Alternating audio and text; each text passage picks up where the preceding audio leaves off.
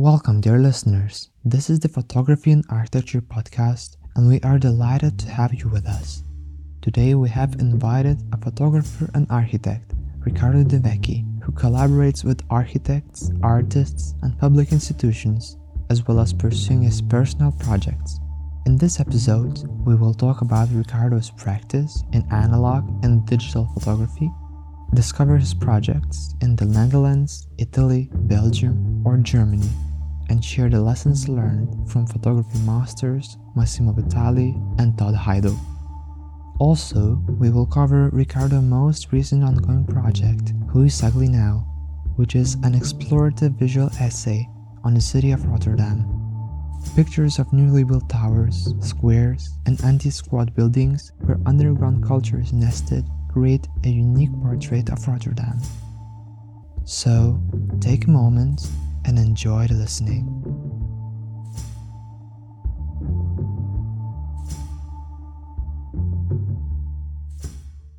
Hello, everyone. This is the podcast uh, Photography and Architecture. Today, we are excited to present our first episode in English. The whole idea to bring the podcast abroad came to me when I began architecture internship in Rotterdam. And work experiences abroad inspired me to explore photographers who are based in the Netherlands. And today we're having Riccardo De Vecchi, a photographer with an architectural background whose work is based on a deep understanding of the object. And Riccardo photographs broad range of projects and collaborates with architects and artists, maintaining his specific approach that we're gonna dig today in your studio, enjoying our fresh cup of coffee, and we are surrounded by some pictures of yours. It's very inspiring to be with you today and explore your working environment. I follow your latest post on Instagram and have impression that you are traveling a lot. So, Riccardo, how have you been these days? Well, it's interesting because every time I travel also for work, I try to have some leisure time, especially if I go to a new place. I really like to explore it. So I try to combine it, let's say. I never say I travel only for work. And if I travel for vacation, I will take pictures. So in a way, you can say that I'm also working more or less, you know. My studio is based in Rotterdam, indeed. Well, I'm from Italy and uh, I'm like slowly expanding towards the whole Europe.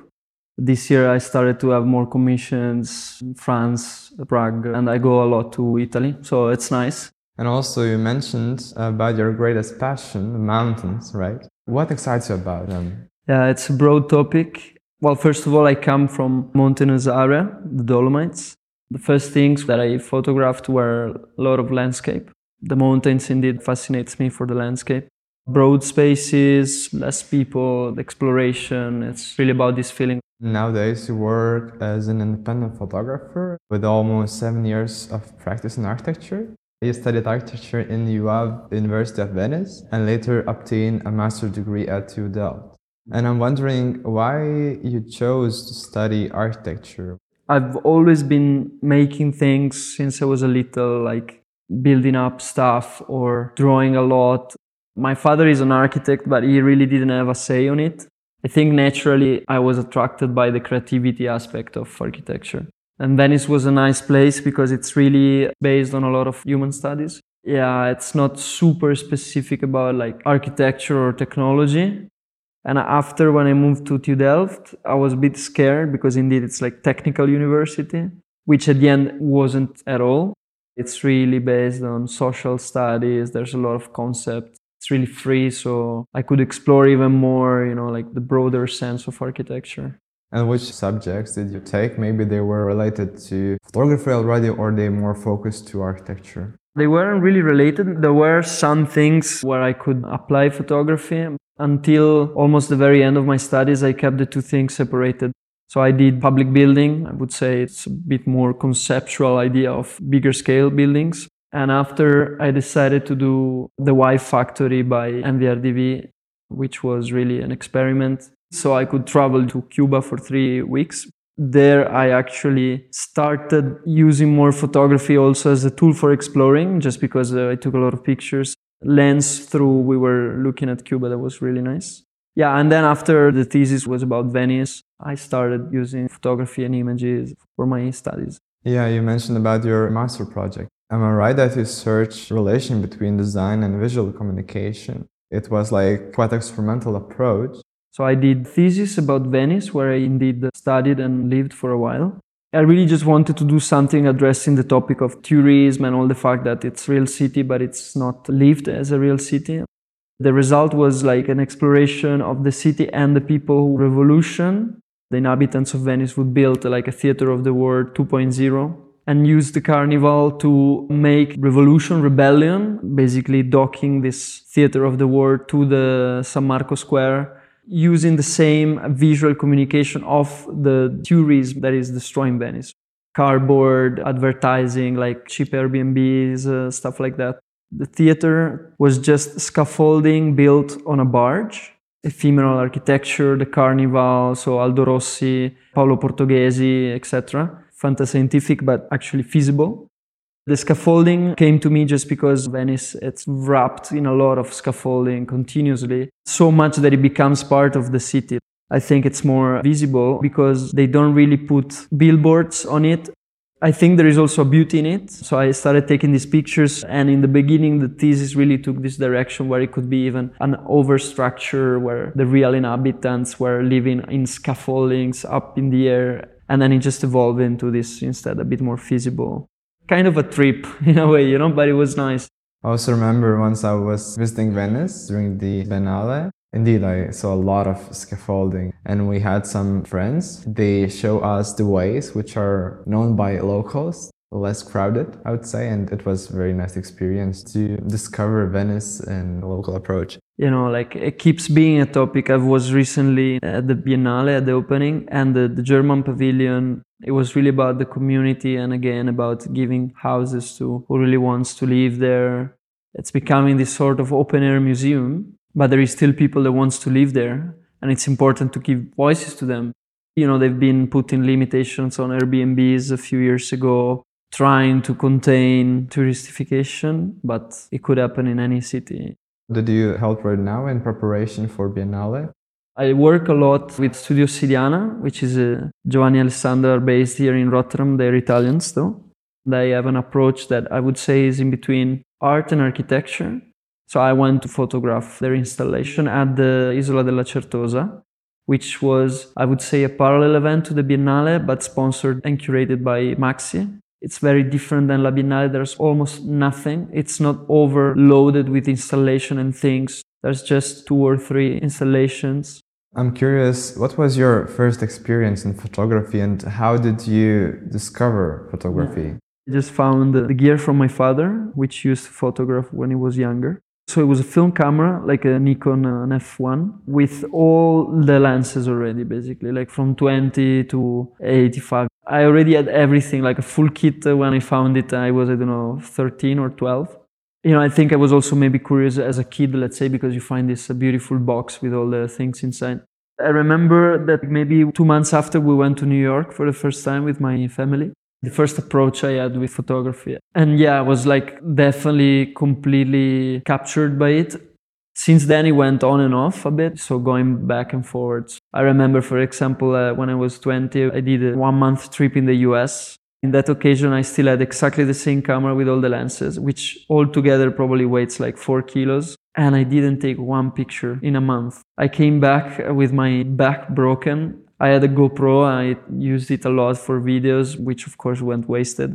It happens that in hurry or you don't find the frame maybe. Trip in the USA, we were traveling backpacking. It's very intense trip. I think I just didn't have the time or I was so much absorbed by the trip that's why I was using the GoPro a lot because you have it there, you just switch it on and off. And the thing is, I think I will never be tired of photography because it's really a passion.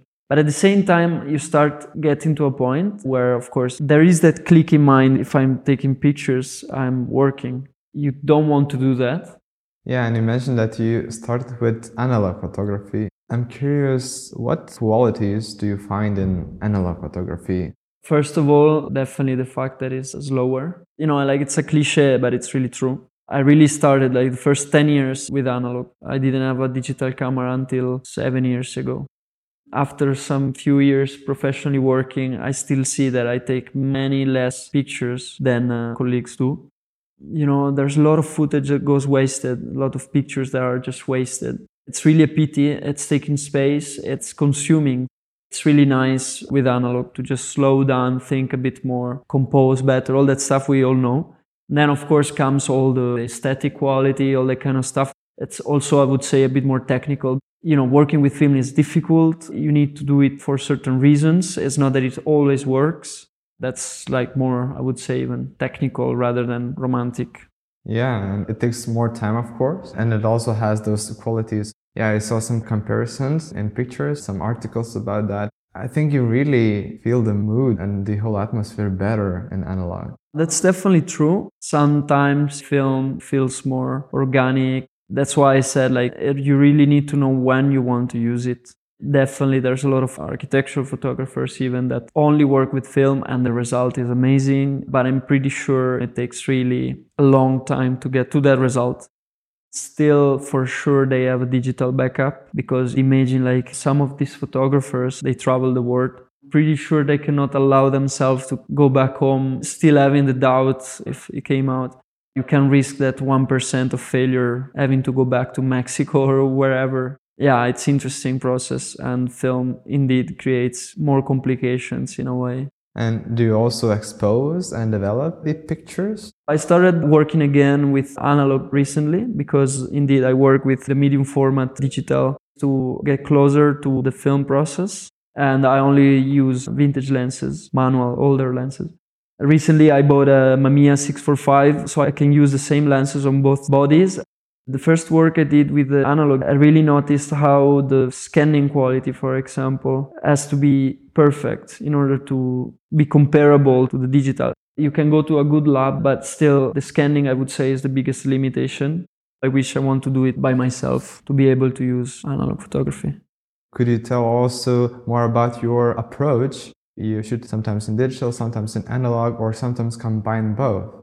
So, like you said before, my work is about a deep understanding of the object or subject. It's driven mostly by curiosity. I wouldn't say I have a, like a specific approach. It's more that every time I approach a project, I want to understand it as much as possible.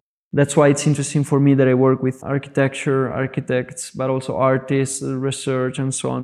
So first of all, like any kind of commission I get, I want to have a brief or even visit the project. It's not always possible. I have my digital camera and the film lately more and more.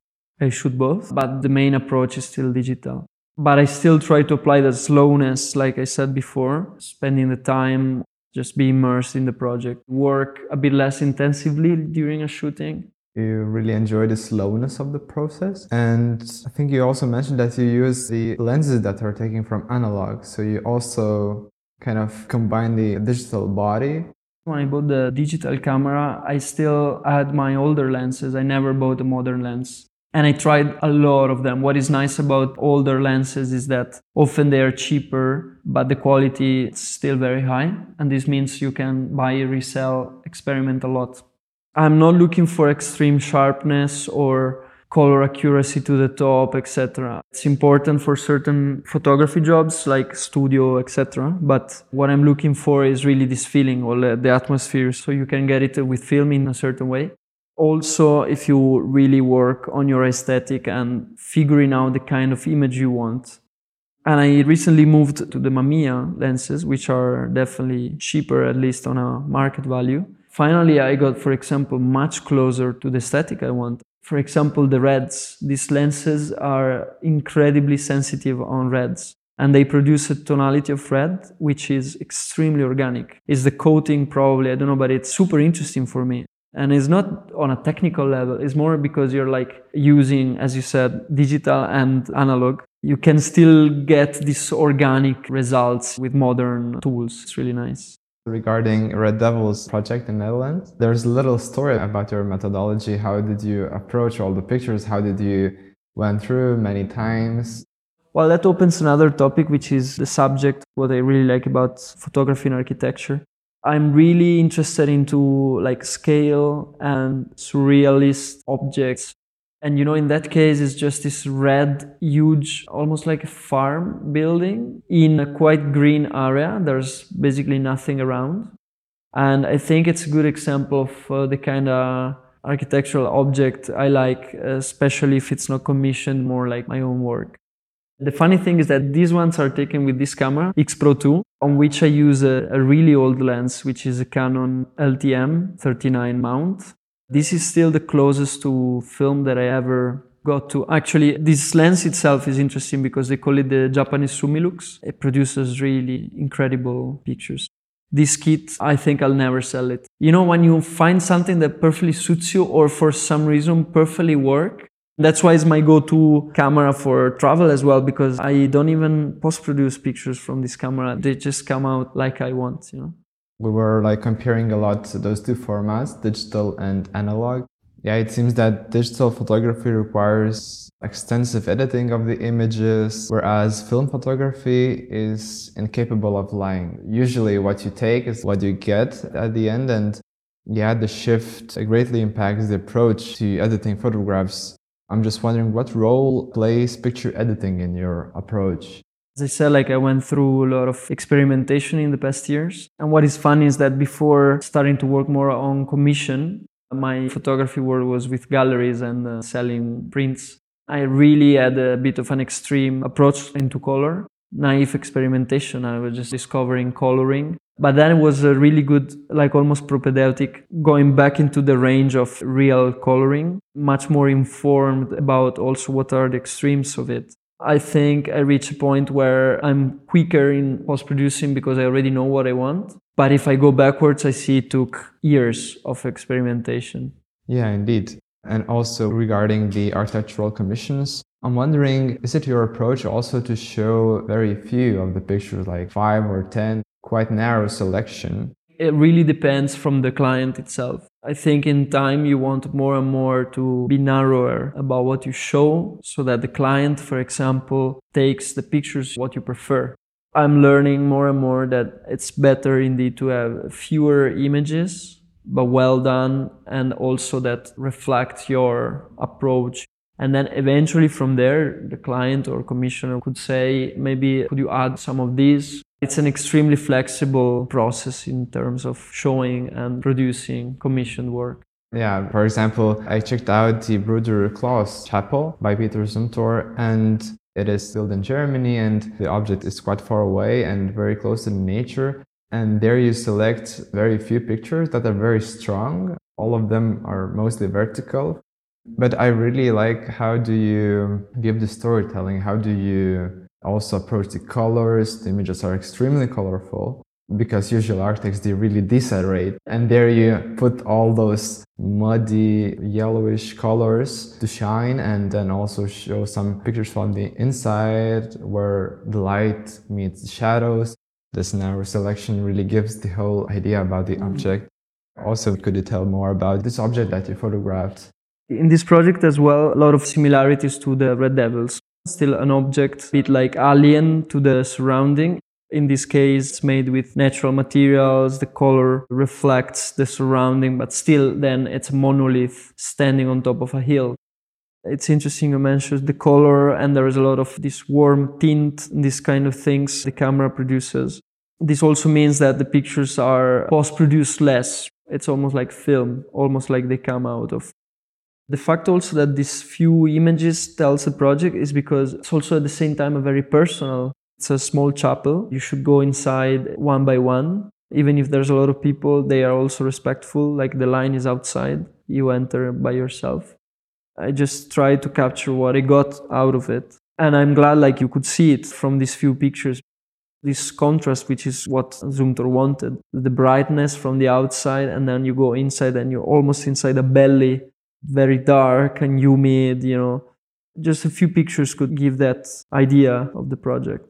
Yeah, and the other project, maybe Architectural Commission, Park Pavilion by Monadnock Architects. Also really enjoyed those pictures which were done in the night. How did you approach the whole scene? The projects you saw are also the moment where I was transitioning from my artistic career, you could say, to a commissioned one. So there's a lot of these transition projects. And in that period, I was shooting a lot by night.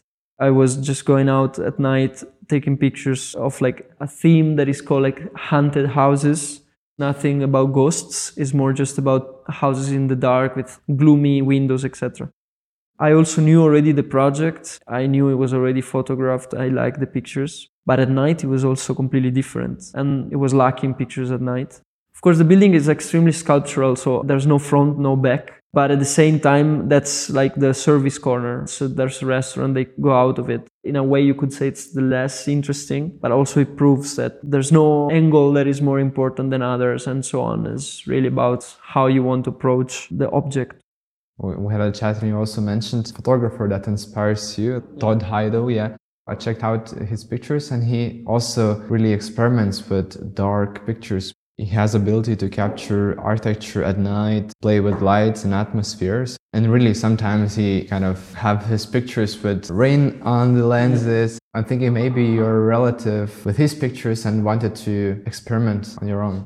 I am one of those people that knows a lot of pictures, maybe, but not uh, the name of the photographer. The period when I was shooting a lot of night pictures, I was uh, at a photography exhibition. Person came to me and said, like, ah, you should check out Todd Hido because his pictures really resemble his work. Of course, he's one of the greatest masters in photography of the US. He is a storyteller. He takes a lot of pictures of houses at night. Many times he's traveling by himself he takes these pictures where there is just rain. He doesn't wipe the glass shield of the car to have this more picturesque, almost a Turner painting effect. In the beginning, I don't think you already have a clear direction where you're going. I was taking pictures of houses at night and then parks during the day and so on. It's important when you start knowing work from other established photographers to understand a bit what you're doing. And the pictures in his book look very dramatic, I would say, very saturated. There are huge differences between the light and shadows. It's good you mention it because then you start understanding in a bit more of critical way what's the difference, for example, between his work and mine. Main difference with his work, like his pictures are extremely dramatic. They are a bit dark. I don't really necessarily want to move towards the dark side of night photography. As you noticed, I really like color. For me, is much more about the mysteriousness or the surrealism. Yeah, and Todd Hido, he photographs in analog, right?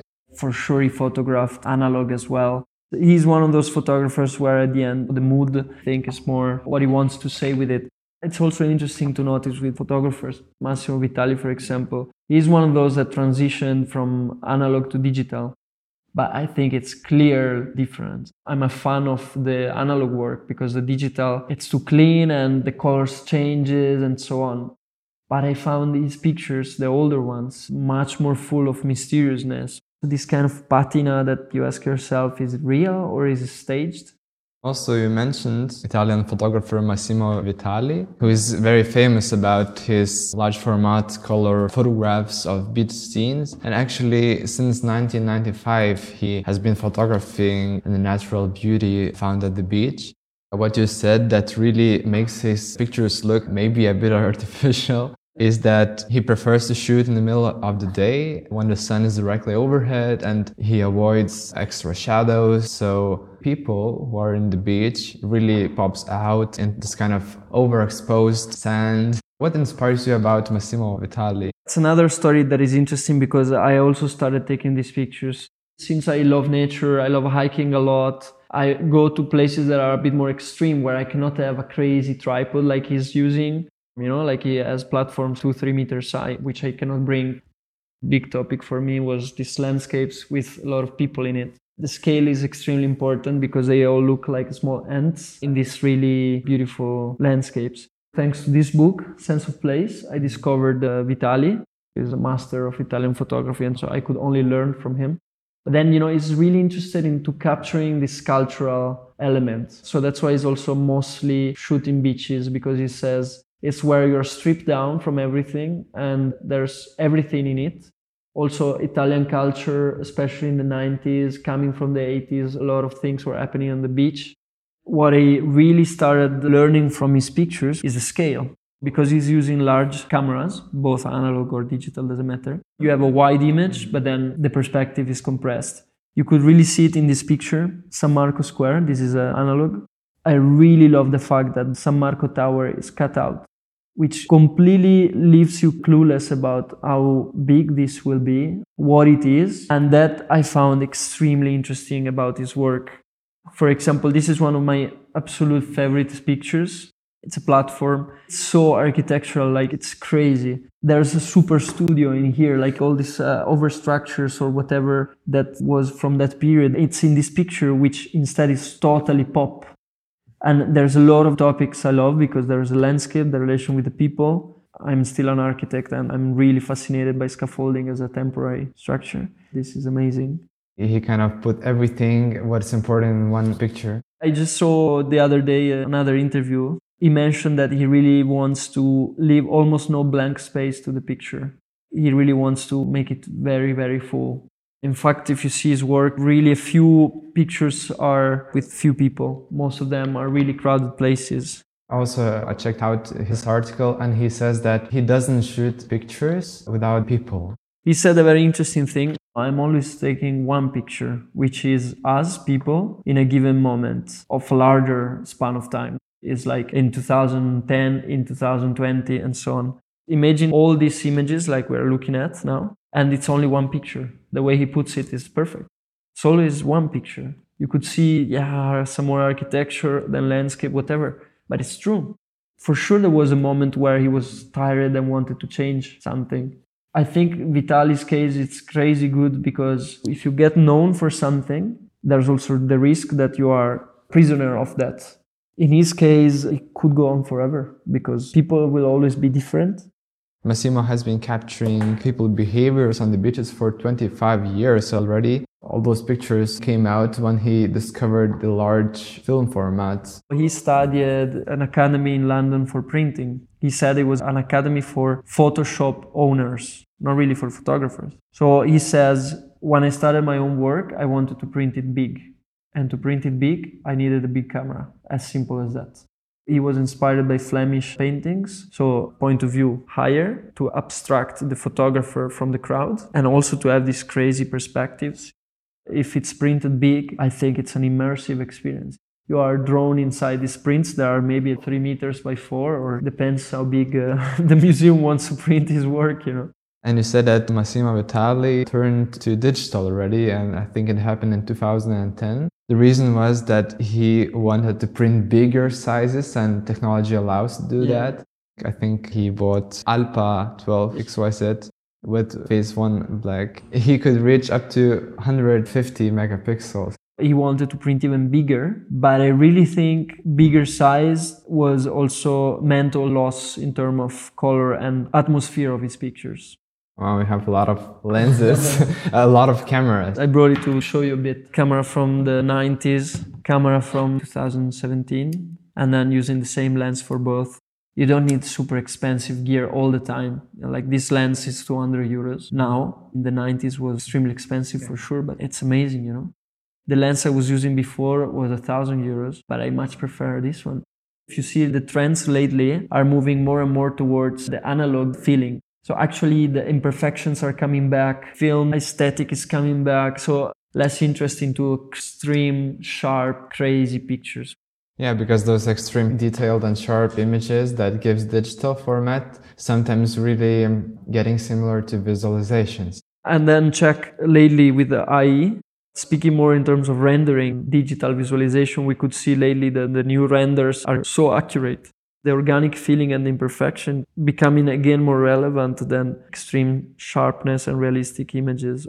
There was a photographer, very interesting, Nikon contest a few months ago. He won. After he said, Yeah, I won, but this is an AE image. I will say it. I will refuse the award. I just did it because I wanted to see what happened.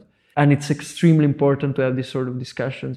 What do you think about this AI topic? And do you think that there are gonna be a whole movement of photographers who gonna become AI artists? Or you think that there will be always photographers who keep taking pictures in analog and not letting mm-hmm. AI to overcome their creativity? Main problem replying to this question is that it's evolving so quickly that I think it's almost impossible to make provision. I think it's important to see lately what's happening in the industry, what they always say. There are brands that started, for example, making advertising campaign with uh, models generated by AI. I really think it's hard to predict how it will be implemented. Now, for example, Photoshop, it's almost updating every week, and they just added an AE tool. There is a generative script next to it. You can select something, say an eye, and then write substitute eye with something. Now you can joke about it because it's a ridiculous eye, but maybe in two weeks it's gonna be a perfectly realistic eye. You can't say. I mean, a lot of ideas come from mistakes, or you edit a picture, you put down the contrast by mistake, and then you say, "Whoa, but this is interesting." And, you know, I wouldn't make everything too easy because otherwise, uh, why are we doing it? When it's too easy, you get bored. It's a problem about everything we're doing nowadays. And I just hope it doesn't go too fast. I think for everything, it needs the right time to understand when it's good, when it's not, and so on. If it goes really quick, it will be a mess. It started already, and now everybody who is using the AI is also developing or giving more input data, and programmers they really use this data. So, yeah, it's a big topic. Maybe we could also shift back towards your most recent project Atlas of Imagination. It's called in Dutch Atlas van Verbeelding uh, that you published recently and presented at NOI Institute. Could you give more words on that? What was the underlying concept and methodology behind this project? It was a super interesting project. The research was about the identity of a territory that was born from two different provinces in the Netherlands that joined together areas are one very industrialized and one it's countryside. So we started exploring the territory, literally driving through it, taking pictures, following a method that we developed with Ella van der Weist. We really wanted it to be reproducible, almost as a scientific method. So basically what came out is this book, this publication, an atlas. First of all, it combined not only photography, but the exploring aspect of it. It wasn't just a collection of pictures taken around. It had a certain path and logic. It's an atlas, so that means there's a methodology in the way the pictures are taken. We had all these frontal images, then the ground and the sky. The most interesting aspect was that we could go inside a lot of industries. Jumbo, Campina, and many others, and I took pictures of what is normally concealed to the public. Many locals may be not aware of what's inside I saw those pictures. You always include, let's say, the worker and the whole context, the whole factory. I also would like to talk a bit more about project that you are doing in Rotterdam, which is called Who is Ugly Now, where you capture the continuous changes in Rotterdam. Could you tell more what encouraged you to take this project and what did you find out in Rotterdam? It's a very interesting project for me. I want to take the Atlas of Imagination methodology, applying it to this project.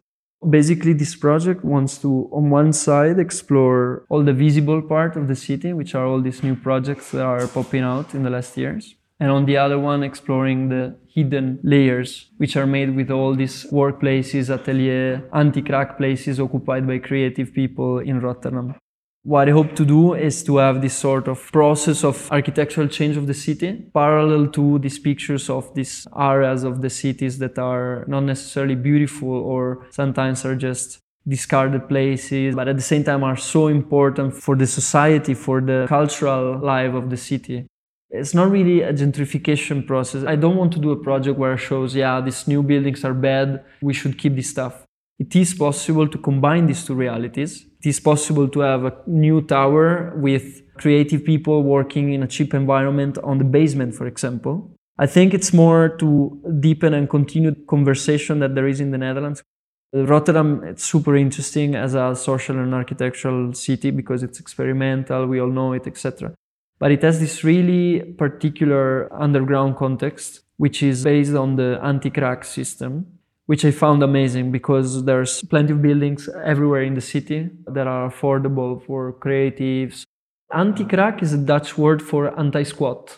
I think it's a governmental agency that links the government and the owner of the place with uh, potential renters. So that means that we have one month to go out if they say so. So it's very quick contract. But then you have much cheaper rent. These places are not perfect, but it's the beauty of it. If you want to redo the floor and uh, paint everything and make it amazing, you're totally free to do it. All these places allow people like me to have a studio with a smaller commitment. I think it's cultural phenomenon, not just question of money and rent. You mentioned about buildings that are being built right now, new identities of the Rotterdam towers as the Zalmhaven or the Cooltoren that stand out for their height and high volume, potentially suggesting a new scale for the city. Really kind of telling Rotterdam identity, but it also changes it in a way. What do you think about those new identities in Rotterdam? One of the latest uh, icons was the Markthal by MVRDV, which is a low building. then there is the depot, still from MVRDV, extremely iconic, but also low. The thing of a tower is that it doesn't need to be an iconic design or not as a tower, and especially in a city like Rotterdam where there's not so many, it will stand out. To make an example, the Zalmhaventoren. As far as I know, it's a project that was stopped in the 90s and then was finally finished now. So the design wasn't really updated it's already iconic just for its height and scale. There's a lot of these pictures from far away and they're always visible. And there's a picture I really like from the Het Park at night with the Zalmhaventoren. You could almost have the feeling that you are jokingly, but in Central Park. So it's not just about the iconicity, but also the fact that you can always locate yourself in the city if you look at the towers. But then this counterposed with all these hidden parts, which I think are much more iconic of Rotterdam, a lot of people from Amsterdam came to live in Rotterdam years ago because it was much cheaper for artists. See, for example, Atelier Mundo by Joep van Lieshout, Rozekarte, and so on. Those are icons of Rotterdam now. And there's many more cultural hubs that are not that famous, but are extremely important for the social tissue of Rotterdam. And also regarding your pictures, sometimes you take a picture from the same location, same point before yeah. it was built and after it was built. yeah, built. it's part of trying to give a shape to this project because it's about transformation of the city, as you said. There's a picture with a building, and then I went back two months after, and there is no building anymore. It's part of a broader material because I don't know if I want to say this change in such an obvious way. I think it's much more about what's there that maybe you wouldn't notice. So that's why also the title Who's Ugly Now? It's a bit of a provocative title, but wants to say Rotterdam is not necessarily a beautiful city. It's an interesting city. I would see it this way. And then the point is that they are supposed to be the new beautiful projects of Rotterdam.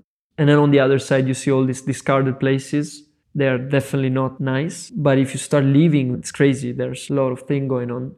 So the question is like, who is ugly now that you show this ugly side? It's so important. I'm wondering, so what do you think is the futuristic direction of Rotterdam and all those construction sites, buildings, and this site where we are talking right now, this whole quarter probably going to be demolished. Uh, the government is planning to build skyscrapers here as well. So, what do you think about this fight between communities which are flourishing in the abandoned buildings or in the old built environments that are not capable to host growing population what do you think how the future could look like? It all depends if the government or the people who would make urban decisions will acknowledge the importance of these places. I think it's all about decisions that someone has to make. There is money, there is politics, so many things going on. On this, I'm a bit more positive because I think I see in the Netherlands there's a conversation going on. To make an example, I'm from Italy and I often speak with my friends that live there there's full of empty buildings in Italy, and they're always like wishing a building empty that they could use. The anti-kraak is such an amazing idea because it's a win-win situation. Compare it to Italy, indeed, with a crazy heritage of architecture, a lot of empty buildings, but there's no tools like anti-kraak. So that's even worse.